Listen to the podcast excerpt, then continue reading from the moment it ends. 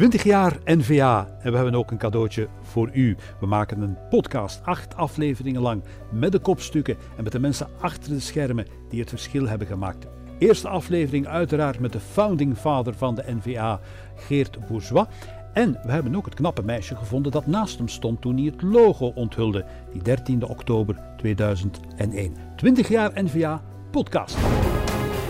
20 jaar NVA. Een studiopodcast gepresenteerd door Mark de Mesmaker met verhalen, anekdotes en mensen die betrokken waren bij de opmerkelijkste momenten voor en achter de schermen. Dag iedereen. De oprichting van de NVA, dat kan natuurlijk niet zonder de founding father zelf van de partij, Geert Bourgeois. Goeiedag Geert. Goedemorgen Mark. Dossiervreter. Uh, dossiervreter van, van de Volksunie.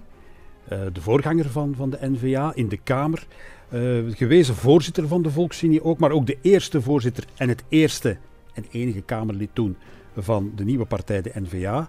Uh, Izegemenaar en vandaag ook Europees parlementslid.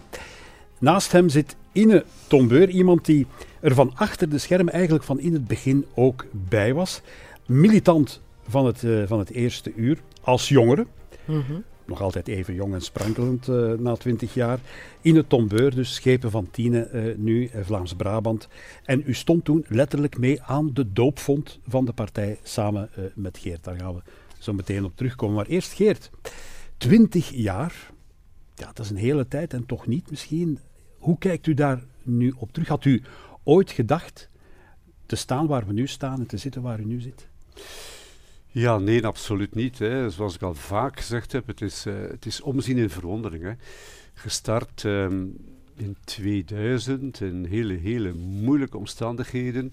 De eerste verkiezingen in 2003, ja, die kiesdrempel van Verhofstadt die ons echt wel zwaar parten gespeeld heeft, hè, die ertoe leidde dat we maar één zetel haalden. Dat was in West-Vlaanderen toen. Um, en uh, als je nu terugkijkt van die kleine partij die men toen een eenmanspartij noemde, naar de grootste partij niet alleen van Vlaanderen, maar heel België, dan kun je alleen maar zeggen, ja, een ongelooflijk parcours hebben gereden en, en uh, ja, omzien en verwondering, zo zeg ik het altijd. Ja. Um, ja, twintig jaar geleden ondertussen uh, we kunnen natuurlijk niet praten over de, ja, de, oprichting van de partij zonder het te hebben over wat er daaraan is uh, vooraf gegaan. Eigenlijk een hele saga die geleid heeft tot de splitsing van de toenmalige Volksunie, een partij die al bij al toch 52 jaar heeft bestaan. Hè. Um, eigenlijk is de NVA ontstaan als resolutie, laat ons zeggen, van een aanslepende ruzie, toch? Aanslepende ruzie, eigenlijk. Um de, laten we maar zeggen, de aanleiding was de vijfde staatshervorming van Verhofstadt. Zo lees ik het op uh, de, Wikipedia inderdaad. De, ja. de, de Lambermont-akkoorden, uh, waar, uh, die uiteindelijk de aanleiding geweest is tot de, de, ja, het uiteenvallen van, van de VU. Maar dat was niet de oorzaak, dat was de aanleiding. De oorzaak zat heel, heel, heel veel dieper. En had te maken met het feit dat de top van de partij niet meer geloofde in een toekomst voor een democratisch Vlaams nationalisme. Ik werd Kamerlid eh, toen ik 44 was. Ik had dus al een hele loopbaan achter de rug. En ik kon dat onbevangen doen. Ik ging naar de Kamer in 95 met een heel sterk geloof dat we die partij die in een zware crisis had weer konden optillen. Hè. U kent de situatie.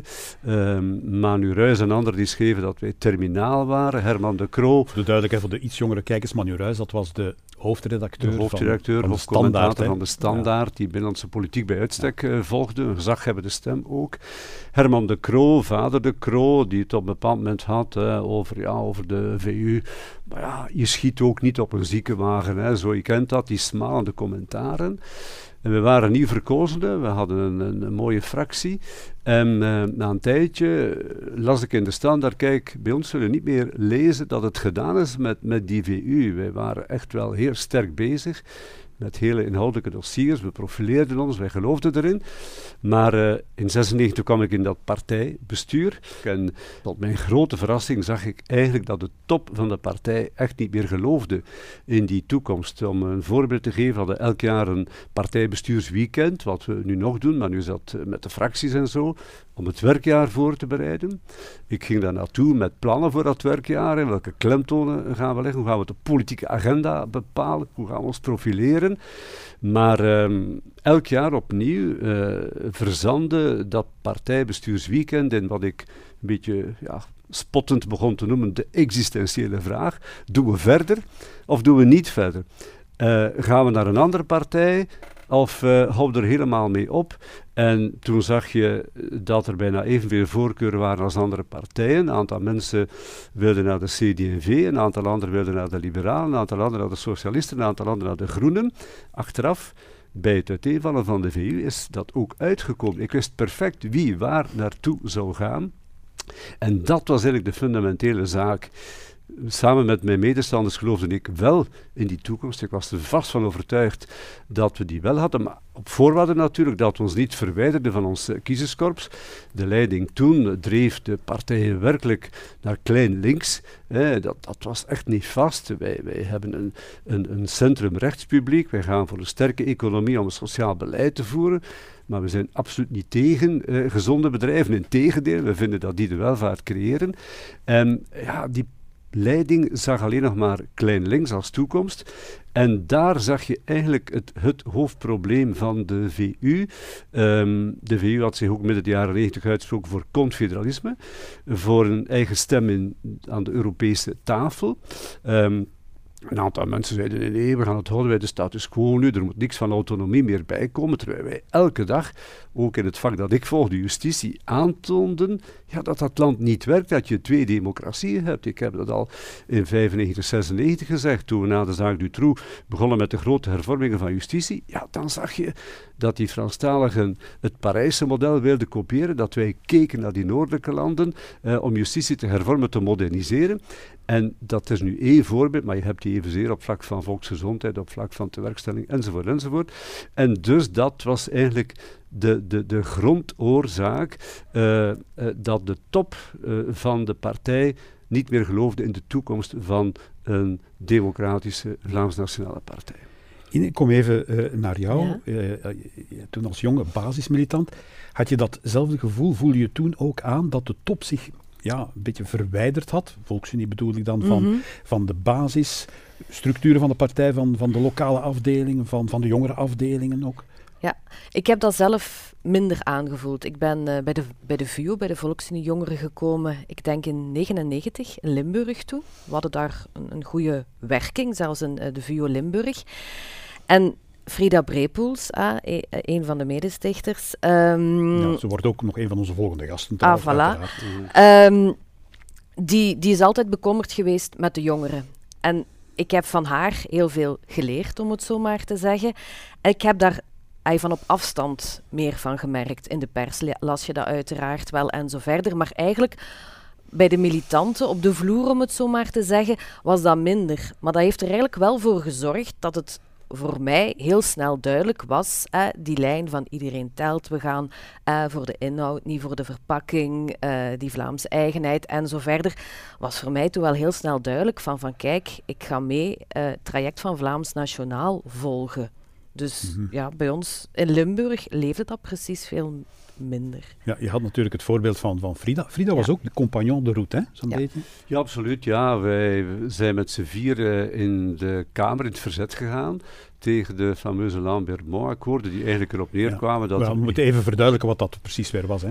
Wel, die Lambert-Mont-akkoorden, dat uh, kwam uiteindelijk neer op de vijfde staatshervorming, maar die droeg ontzettend weinig essentiële bevoegdheden over aan de deelstaten, maar kent wel enorm veel middelen toe, waar ondertussen alweer zwaar in gesnoeid is. Iedereen zag dat dat model niet haalbaar was.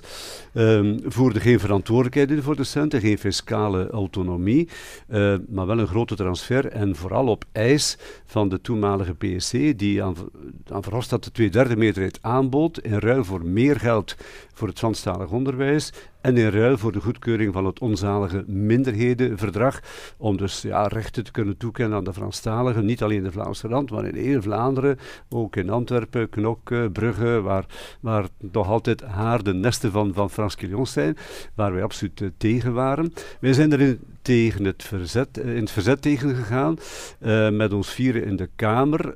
Um, en wij werden met die vier dan in de media de bende van vier genoemd, pejoratief bedoeld. Maar we zijn dat als een eretitel, als een geuzennaam blijven beschouwen. En we dragen die naam ook nog altijd trots en komen en ook geregeld bij elkaar. Noemen ze, noemen ze de namen? Nou, dat zijn dus Frida Brepoels, Limburg, Karel van Hoorweke, Gent, Danny Pieters Leuven en ikzelf. Ja. En jullie kwamen regelmatig bijeen? Om dan plannen Ja. te smeden of complotten te smeden, moet ik dat zeggen? Wel, toen wel, ja. We zagen elkaar natuurlijk bijna dagelijks in de kamer. Hè, en daar hadden we direct, eh, moesten geen, geen WhatsApp-groep maken, wat ook nog niet kon toen. Maar we zagen elkaar fysiek. En eh, dan, dan is later de Oranjehof-groep eh daaruit We hadden net toe komen, ja. Was dat hetzelfde? Die Nee, die was breder, die was breder. Dan, Ja, dan ja. betrokken we daar andere mensen bij. Eh, ja, waar we dus eh, in stilte, alhoewel dat misschien toch ook wel een beetje uitgelekt is, eh, toch onze plannen smeden. Ja, ik heb daar wel een en ander in de pers over gevonden. Ja. Ja. Ene, weet, je, weet jij precies wat, wat eh, die Oranjehofgroep, waar dat op slaat? De naam alleen al, Oranjehof. Niet, niet helemaal. niet, Nee, het is een gezegd. quizvraagje hoor. Dus, Ja, een quizvraag die ik niet ken. Nee, nee is de naam, de naam van, een, eh, van een restaurant, dacht ik. Hè? Ah, Eh, ja, als je het positief bekijkt, was de naam van het restaurant inderdaad. Ja, Hoezo? Nee, het was, eh, dat was ook wel wat commentaar over, daar ga ik niet op ingaan. Ja, Maar dat, op die eh, steenweg. Dat heette dus het Oranje Hof. Eh, en ja, we werden dan de Oranje Hof groep. Ja. Trouwens, nog een mooie anekdote. Na een aantal keren, vele keren vergaderen, eh we keken altijd wie van de partijraad we daar best bij betrokken. Op een bepaald moment beslisten we om Bart de Wever daarbij te vragen. Na verloop van tijd, en Karel van Hoorweke zou zich eh, kwijten van die grote taak. Maar bleek dat hij de verkeerde persoon eh, uitgenodigd had. Zo onbekend was Bart eh, toen nog. en toen wij toekwamen, zat die verkeerde persoon daar, die absoluut niets mocht weten van die, van die, van die Goed. plannen. En dus ja, dat was een kleine, een klein eh, anekdote. Maar je hebt dat kunnen oplossen toch? We hebben dat opgelost. Ik eh, heb gewoon geweigerd om binnen te gaan tot, tot dat opgelost was. Ja, want ik wou niet dat die hele groep daar ja, in het Ja. oog kwam. Hoe keek u als, als ja, viewer naar, naar Geert en naar die toestanden? Dat was voor mij iets wauw, bij wijze van spreken. Ik, was net in de politiek. Je wordt dan gevraagd om in een partijbestuur te komen, want men wou een jongere vanuit eh, elke provincie eh, betrekken. Ik heb dan zo bij kennissen toch een beetje geïnformeerd, partijbestuur, wat moet ik mij daarbij voorstellen? Dus dat was, ja, wauw. hè. Je beslist mee over de naam van de partij, over het manifest, hoe gaan wij ons verder organiseren. En zeker als ik daar nu op terugkijk, is dat zo van... Ik zat daar inderdaad bij Geert, bij Ben, bij Bart, bij Erik de Voort, Jan Lones. Allemaal bij die grote mannen. Hè, want het was een beetje een mannenclub, als ik het achteraf een beetje bekijk. Eh, dat is ondertussen wel rechtgezet eh, aan tafel. En we hebben daar eigenlijk ja, mede de, de, de, de fundamenten gelegd voor de grootste partij van Vlaanderen. Ja. Ja. Je, noemt daar, je noemt daar onder andere Ben, Ja, Ben Wijts. ja. Wat deed hij op dat moment eh, binnen de partij? Hij was woordvoerder zeker? Hij was woordvoerder, maar was heel sterk betrokken bij, bij de oprichting Ja. van de NVA natuurlijk. Ehm, ja, hij was woordvoerder, maar was ook eh, mede bepalend voor de strategie bij de oprichting van de partij. Hij heeft een fantastisch grote rol gespeeld daarin. Absoluut. Mm. Ik moet u zeggen, ik heb er ook anekdotes over horen vertellen. Een bijzonder harde werker. Ja, heel zeker. Kon al eens een nachtje doordoen. Ja, klopt. Op mijn kabinet eh, trok hij altijd de hele nacht door van donderdag op vrijdag. Omdat u dan minister Toen was, Ja. toen was u al minister. Toen, eh, ja, toen Ja. ik minister was, ja, maar om, om, om hem te typeren, ja, was toen ook een verstokte roker nog. Een strategisch bureau gekozen, met enig met een balkon of een plat dak erachter, waardoor hij door het raam kon klauteren om, om sigaretten te roken. Ja. Maar is daar gelukkig mee gestopt. Maar zijn werkkracht heeft hij nog altijd. Ja. En dan viel, hij, eh, dan viel hij in slaap op zijn bureau overdag. Heb ik niet meegemaakt, moet ik zeggen. Hmm. Daar zal hij wel voor gezorgd hebben dat dat... eh, dat Dan is het een roddel die ik gehoord Ja. heb. Dan klopt het niet. Ja, ja. Eh, u, u, u zei er, er straks, Geert, wel, ik, ik had geloof in de toekomst van de partij. Maar hoe zag u dan precies die toekomst van de partij? Want was het ook, ook niet zo, uh, en dat lees je dan ook in de als je de commentaren van toen terugleest, ja, de Volksunie heeft eigenlijk het grootste deel van haar programma toen verwezenlijkt. Hè. Hmm. Waarom is ze nog nodig? Mm -hmm. Mm -hmm. um, maar u dacht er anders over. Ik dacht er zeker anders over. En trouwens, ik, betwist dat ook. Zoals ik al zei, midden de jaren negentig had de VU al gekozen voor uh, confederalisme met een, met een tienpuntenplan voor staatsvorming, met uh, een zetel rechtstreeks aan de Europese tafel. Alleen was het zo dat, laten we maar zeggen, de top van de partij daar niet meer in geloofde.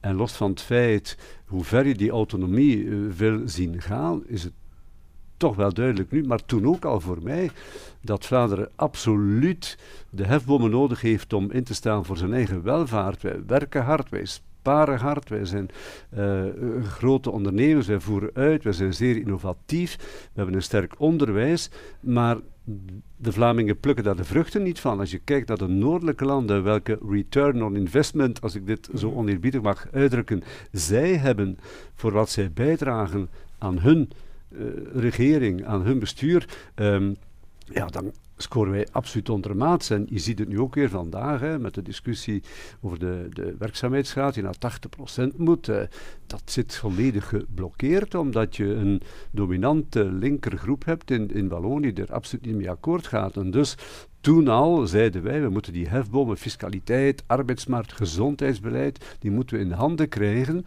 met een eigen uh, fiscale, financiële verantwoordelijkheid natuurlijk. Hè, want nu zijn dat puur grotendeels toch uh, nog altijd dotaties. Heb je, heb je dotaties waar je dan zelf niet moet instaan voor de middelen die je uitgeeft, wat, wat, wat haak staat op wat echt een uh, democratie is. Hè.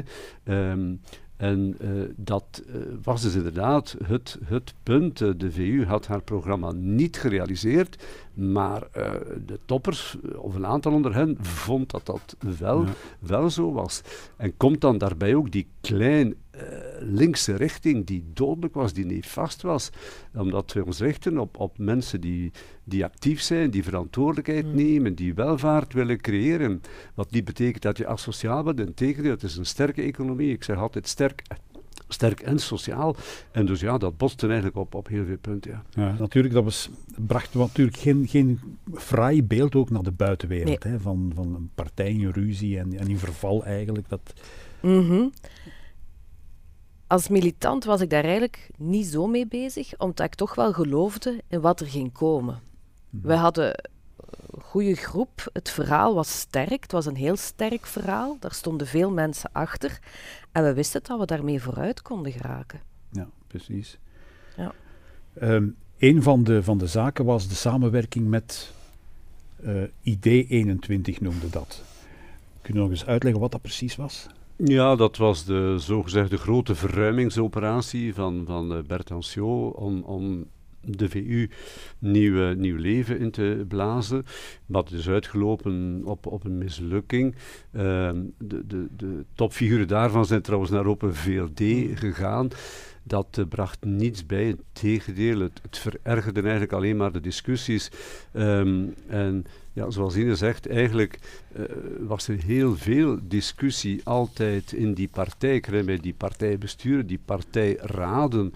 Dat waren altijd twee uh, blokken tegenover elkaar. Dat waren altijd stemmingen over alles en nog wat. Daar was geen hechte groep meer, daar was geen eensgezindheid je politieke medestanders hoeven daarom niet allemaal dichte vrienden te zijn, maar je, je, moet toch wel een gemeenschappelijk doel hebben om je daar goed te voelen. En dat is het grote verschil met de NVA, die één grote familie is, een warme partij is, waar je gerust van mening kunt verschillen over een aantal zaken, maar wat dat niet leidt tot, tot dat soort fundamentele breuken, ja, precies omdat je omdat je over de grote lijnen wel eensgezindheid hebt. Ja, goed, ik, ik, kom even dan naar die drie. Want op een bepaald moment wordt dan gezegd: oké, okay, we gaan er hier, we, we, gaan de leden ja. een zeg ja, geven. Waar moet het naartoe met de partij? En er waren drie groepen. Hè? Ja. Er was inderdaad Vlaams Nationaal. Onder leiding van Geert en zijn bende van vier dan. Inderdaad. Dan had je de middengroep, als ik mij nog goed Mhm. herinner. Mhm. En die derde groep, daar moet ik al even nadenken. Dat was de groep rond, rond ID21, denk Mhm. ik, hè, die Ja. later naar de Spirit... toekomstgroep? zo- De zo? toekomst. De toekomstgroep, Ja, ja. ja. ja. En, dan had je, of, en de middengroep dat was dan de, de groep niet splitsen. eh. Ja. Ja. ja. Ja. Ja. waar een aantal goedgelovige mensen in meegestapt zijn, waarvan een groot deel achteraf bij ons Ja. gekomen is. Maar die middengroep was ook bevrouwd, bemand door mensen waarvan ik wist, die gaan wel naar de toekomstgroep gaan achteraf. Dat was een zeer tactisch manoeuvre, ook van een aantal mensen. Ehm, waardoor wij finaal met Vlaams Nationaal niet, niet de 50% eh, grens eh, gehaald hebben. Wat dan ook betekende dat wij de namen Ja. verloren. Dat was Voor alle inzet. duidelijkheid, dat was dus het referendum, het ledenreferendum. Ledenreferendum, ja. Dus Maar de hamvraag was, ga je, ga je kunnen vormgeven aan een partij die dat, eh, staat, die, die staatsvorming, die, de, de, de kerngedachte die het Vlaams nationalisme was en ook uitdraagt, die, die daarin slaagt. En dat wilden wij met Vlaams Nationaal, dat, dat was heel duidelijk. En dan eh, kwam dat eh, referendum, ehm, dat er dus toe leidde, wij stranden op, op net geen, geen 50 procent. En dat betekent dat wij een nieuwe naam eh, moesten kiezen. Ik was denk Ja. ik de enige die daarom treurde. Ik, ik wou echt doorgaan met de naam VU. Ik was een VU'er en ik wou daarmee doorgaan. Maar eigenlijk mijn medestanders die treurden daar helemaal niet om. Integendeel, die wilden dat achter zich laten. Ehm, en ja, toen moesten wij een nieuwe naam kiezen. Ja. Ik denk dat u niet de enige was die daarom treurde. Die naam de Volksunie was toch ingeburgerd. Heel veel militanten hebben daar toch jaren, jaren voor, allee, voor gewerkt ook, gratis en voor niks. Heel vaak eh, campagne gevoerd, deuren platgelopen, kermissen, geor- eetkermissen Ja. georganiseerd. Ja, klopt. Ik, ik zelf was er toen nog twee jaar of zo bij. Vooral voor de jongeren, voor de VUO, ehm, waren we bezig. Maar ja, het was wat het was. Maar we waren wel blij dat we verder konden gaan. Dus Inhoud primeerde boven de naam. ja, ja. Ja. Dus, eh, ja. Goed, en, en dat was zo vooraf afgesproken. Kijk, wie, eh wie 50% haalt, die mag de naam behouden. Ja. Dat was vooraf zo in de scheidingsovereenkomst, zeg maar, ja. Ja. afgesproken. Ja. Je mocht die niet meer gebruiken, hè, voor, en tot in de eeuwigheid al contractueel vast. Eh, dus ja, je moest op zoek naar een nieuwe naam. Eh, toen zijn diverse namen de, de, de Ja. revue gepasseerd. Eh ik herinner die vergadering dan met, met een reclamebureau erbij. Dan kwam finaal uit op, op VA. Ik was daarvoor, Vlaamse Alliantie. Dat refereerde heel sterk aan VU. was ook een open klinker op het einde. VA, VU. VA is uitnodigend. Eh, geen medeklinker, maar een open eh, uitnodiging. Eh, dus een, een alliantie. Wij nodigen het nu uit om met ons in een alliantie te gaan. Dat was een hele mooie naam. Maar toen, vooral onder sturing van het reclamebureau, daar moet toch iets nieuws bij. Je moet toch die breuk maken. En finaal werd het dan niet nieuwe Vlaamse Alliantie. Ja, want er was geen oude Nee. Vlaamse Alliantie, maar nieuw Vlaamse Alliantie. Ehm, wat dan eh, ja, eigenlijk eh, eh, toch wel dubbele problemen opleverde. De, de eerste waren mineur, werden een beetje spottend. Hè. Er was een Noord-Vietnamese Army, dus hetzelfde letterwoord. Er was eh eh Neue Volksarmee in Oost-Duitsland, wat we dan ook over onze kop kregen. Maar het ergste was nog... op het internet, er bestond al een NV, een naamloze vennootschap A, waardoor we dan niet gewoon in .va of NVA konden nemen, maar een streepje nog ertussen moesten plaatsen. Vandaar dat koppelteken daar. Waarna Ja. Ben Wijts maanden en maanden werk gehad heeft om telkens opnieuw de media erop te wijzen. Het is in streep VA, telkens opnieuw werd dat, werd dat, Dat werd verkeerd gespeld, dat Dat koppelteken is, werd eh, verkeer, op de verkeerde plaats Ja. gezet. Soms gebeurt dat nog altijd. Ook hè. al. Ja. Maar goed, dat is allemaal opgelost. En, en zoals Ine zegt, eh, de inhoud is belangrijker. Hè. Vandaag hebben we een sterker merk dan, dan wat de VU ooit, ooit is eh, geweest. Ehm, een sterkere naam, maar ook een sterkere partij. Dus dat is voorbij. Eh, maar toen in het begin was dat een klein beetje... Ja, het is goed dan ook. eh, niet makkelijk. Hè. Nieuwe partij, een nieuwe naam in de markt zetten. Weinig middelen, weinig of geen middelen. Geen toegang tot, eh, tot de media zoals u tegenstreven. Dat was echt wel ehm, niet evident. Maar we hadden gelukkig ja, een hele grote, sterke basis. Hè. Mensen die ons steunden door dik en dun. En die er ongelooflijk enthousiast voor gingen. Hè. Ja. In u hebt dat grote moment, dat, dat naamsfeestje, eh, ja, meegemaakt. Want u was degene die samen met Geert het logo onthuld heeft. Daar zijn beelden van. U kunt dat niet logenen. Hè? Nee, klopt. Het was ook ja, heel onverwacht eigenlijk, want ik was op weg naar Brussel. Eh, en toen kreeg ik in de auto telefoon van iemand van de barricade, het partijsecretariaat. Ja, Ine, we zoeken nog iemand die met Geert het logo kan onthullen. Zie jij dat zitten? Uh, ja, tuurlijk zie ik dat zitten. Uh, ik bedoel, uh, ik was vereerd. Maar als ik het nu bekijk, ja, is het toch wel een supergrote eer geweest om, om dat logo mee te mogen onthullen. Je merkt dat ook, mensen spreken nu daar nu nog op aan. Hè. Wissel van de Macht is tijdens de grote vakantie opnieuw op tv geweest. Ine, ik heb u op tv gezien, dat waarde jij toch, hè, twintig jaar geleden? Van, uh, ja. ja. Ja, groot moment. Had u het logo vooraf gezien ook? Wist, wist u hoe de naam er ging klinken en hoe het logo eruit ging zien? De naam wisten we, dat was op partijbestuur gezegd, maar ik weet niet of ik het definitieve logo uiteindelijk helemaal gezien heb. Want er was met die apostrof, het, het, het, het ruitje, was ook nog discussie waar het net moest komen en op welke hoogte en zo verder. Dus ik denk niet dat ik het definitief logo uh, op voorhand gezien had. Maar je hebt heel de discussie over dat logo wel meegemaakt. Ja, ja en, en het koppelteken en, en, en het ruitje en nieuw, nieuwe, uh, ja. ja. ja. En, en, en de grapjes over Nivea en dergelijke. Ja, dat werd ook wel een keer gezegd. Hè, van, uh, de ja. tegenstrevers, hè? Ja, ja, maar eigenlijk, de, de naam ay, blijft toch wel het meest bij. Want ik ben daar nog over aan het nadenken geweest, hoe die discussies waren en zo. En heel veel kan ik mij daar eigenlijk niet meer van, van herinneren. Het is vooral het resultaat wat u toch wel eens is bijgebleven. Ja, ja het, het, is uiteindelijk wel een, eh, een groot succes geworden. Uh, tegen eigenlijk ook het oordeel in van ja, grote voorgangers bij de Volksunie. Ik, herinner me Hugo Schilds, een grote meneer geweest, lange tijd ook minister geweest van, van de Volksunie, die, die een open brief naar u schreef en, en, en zei: Geert, adieu en geen merci. Dat toont hoe pijnlijk die scheiding natuurlijk was. Maar heeft u dat ook geen pijn gedaan? Ja, ik wil daar niet te veel op ingaan, maar inderdaad, dat was uh, naast alle andere uitdagingen die ik had en, en de grote taken die ik op mij had genomen, kwam dat er bovenop. Het was pijnlijk. Hè? Medestanders van vroeger waar je mm. uh, soms heel goede contacten uh, mee had. Met bepaalde van die mensen had ik elke week uh, telefonisch contact. Um, ja, daar, daar kwam die splitsing en die ging gepaard met, met, met ook grote persoonlijke ja, botsingen, verwijten enzovoort. En ja, dat is een hele pijnlijke periode geweest. Uh, dat is een periode die we gelukkig uh, achter ons uh, kunnen laten natuurlijk. 6 mei 2002, zegt u datum nog iets? Was dat het ledencongres? Ja. Hoe ja. kijkt u daarop terug? Dat was een weekend, weet ik ook nog. Um, een weekend waar toch heel veel militanten aanwezig waren in Leuven. De aula's zaten vol. Um, er zijn ook discussies. Ah, ik, herinner me dat als, als, als, ja, als iets, iets heel dynamisch, waar heel veel werk in gekropen is. Um, en vooral het, het slotcongres op zondag, uh, waar zeer veel mensen aanwezig waren, maar waar je zo rond bepaalde stemmingen toch ook nog wel, wel wat verdeeldheid zat. Rond stemrecht, stemplicht onder andere mocht, hè, kon, hè, was allemaal... Gezonde discussies. Gezonde discussies. Maar dat heeft ons ook wel uh, een goede basis gegeven om verder te werken naar 2003. Is dat de basis geweest? Ja. Inhoudelijk ook? Ja. ja, ja.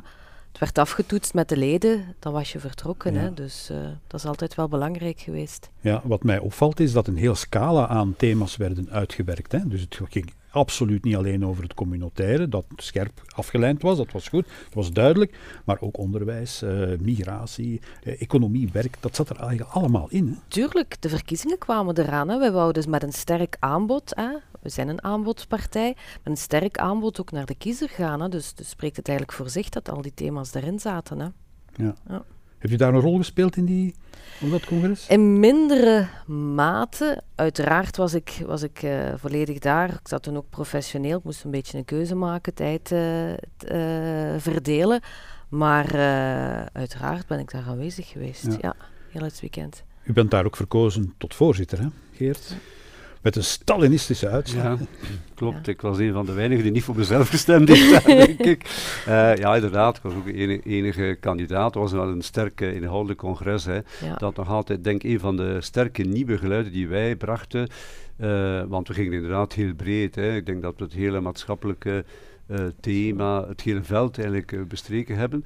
Maar een van de grote, sterke nieuwe geluiden was dat over burgerschap en inburgering, mm. hè, waar we ons echt positioneerden met verplichte inburgering, maar ook duidelijk een, een breuk maakten met het, het, uh, het, het afstammingsnationalisme, het etnisch nationalisme. Hè. Je, je, je, kunt Vlaming zijn als je hier woont en, en, en, en de waarden uh, die wij hebben eh, van, van de rechtsstaat, van de democratie, van gelijkheden die we hebben op alle mogelijke gronden, behandel u als gelijk, uh, welke afkomst je ook hebt, um, welke levensbeschouwing je ook hebt. Maar hier kom je wel in die pluralistische rechtsstaat waar we alle levensbeschouwingen, voor zover ze natuurlijk niet de bedoeling hebben om, om de orde omver te werpen, uh, waar we alle levensbeschouwingen herkennen. En daar moet je mee omgaan. Scheiding kerk-staat, gelijkheid man-vrouw, mm. geen discriminatie, niet op grond van uw afkomst, maar ook niet op grond van seksuele geaardheid. En dan die verplichte inburgering. Um, en ik ben in de loop van het jaar daar nog meer van overtuigd. Ik vind dat de EU dat ook zou moeten doen in zijn migratiebeleid. U weet dat de huidige commissievoorzitter von der Leyen gestart is met een portefeuille voor een commissaris, de European Way of Life, de Europese uh, manier van leven. Hè, dat, dat, je, dat mensen die hier komen, wel, ik vind dat we dat moeten opleggen. Ik vind dat die dat die, dat pluralisme, die pluralistische rechtsstaat, die democratie, die waarden van de verlichting, die we nog maar een paar eeuwen hebben, hè, dat die ons allemaal binden. Ik zeg altijd, we hebben één gemeenschappelijke taal, dat is de taal van de verlichting.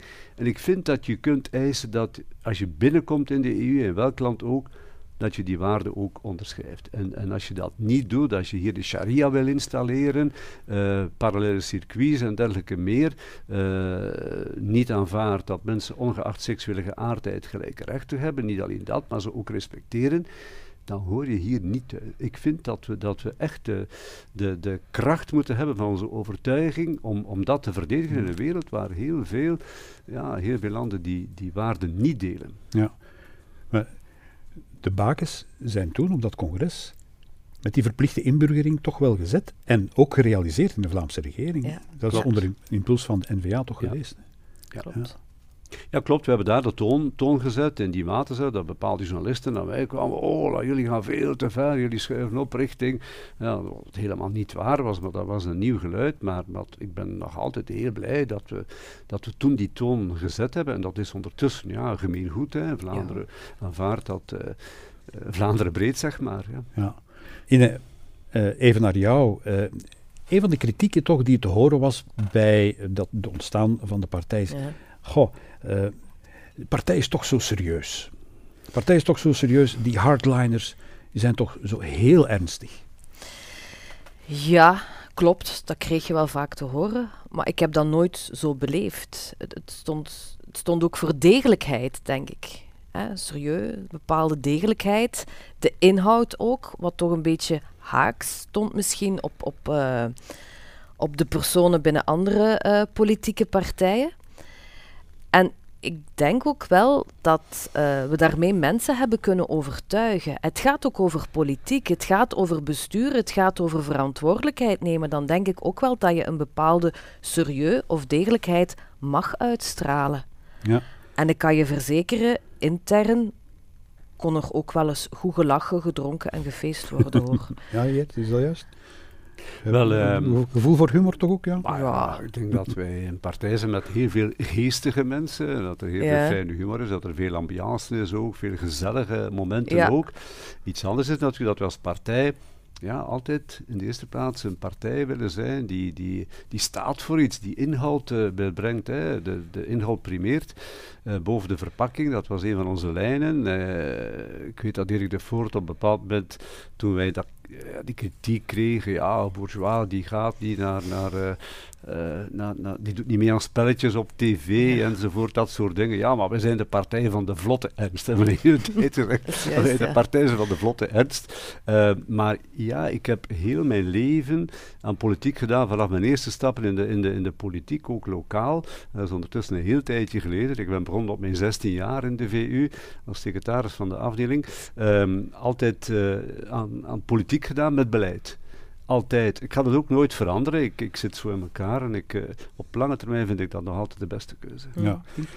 Vindt u dat de partij de juiste beslissingen altijd heeft genomen, ook qua regeringsdeelname bijvoorbeeld? En, en vind je dat, dat de, de NVA daar, ehm, daar uiteindelijk goed uitkomt?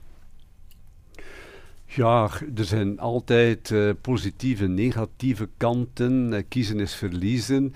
Uh, maar ik denk dat wij op een punt gekomen waren en zijn dat mensen verwachten dat wij onze bestuursverantwoordelijkheid mm -hmm. opnemen en dat we proberen ons, ons programma uh, programma te realiseren. En, en hebben in ieder geval bewezen dat we heel bestuurskrachtig zijn, dat we bekwame bestuurders hebben.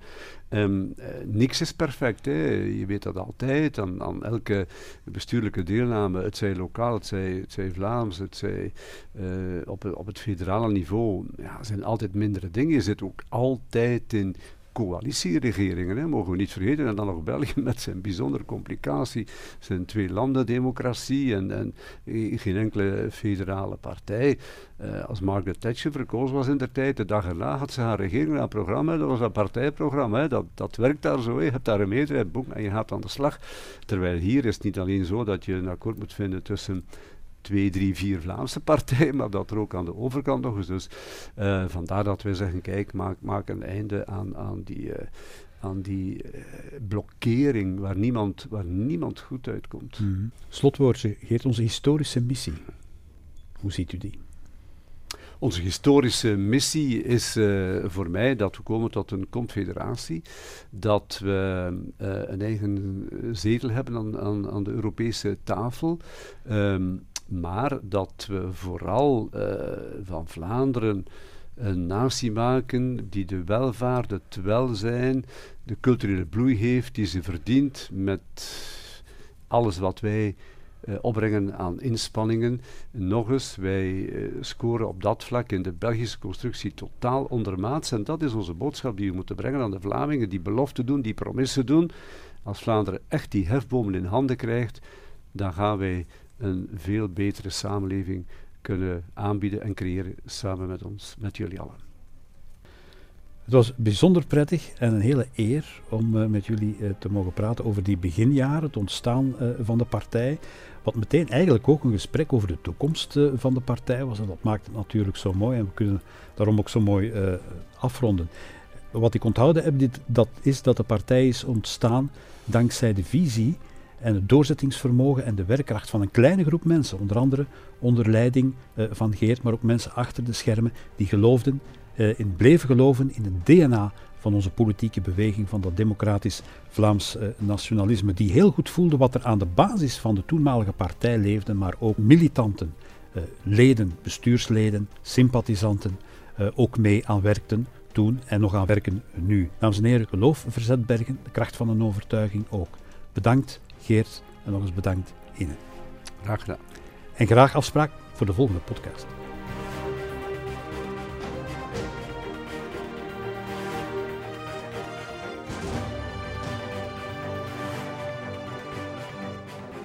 Twintig jaar NVA.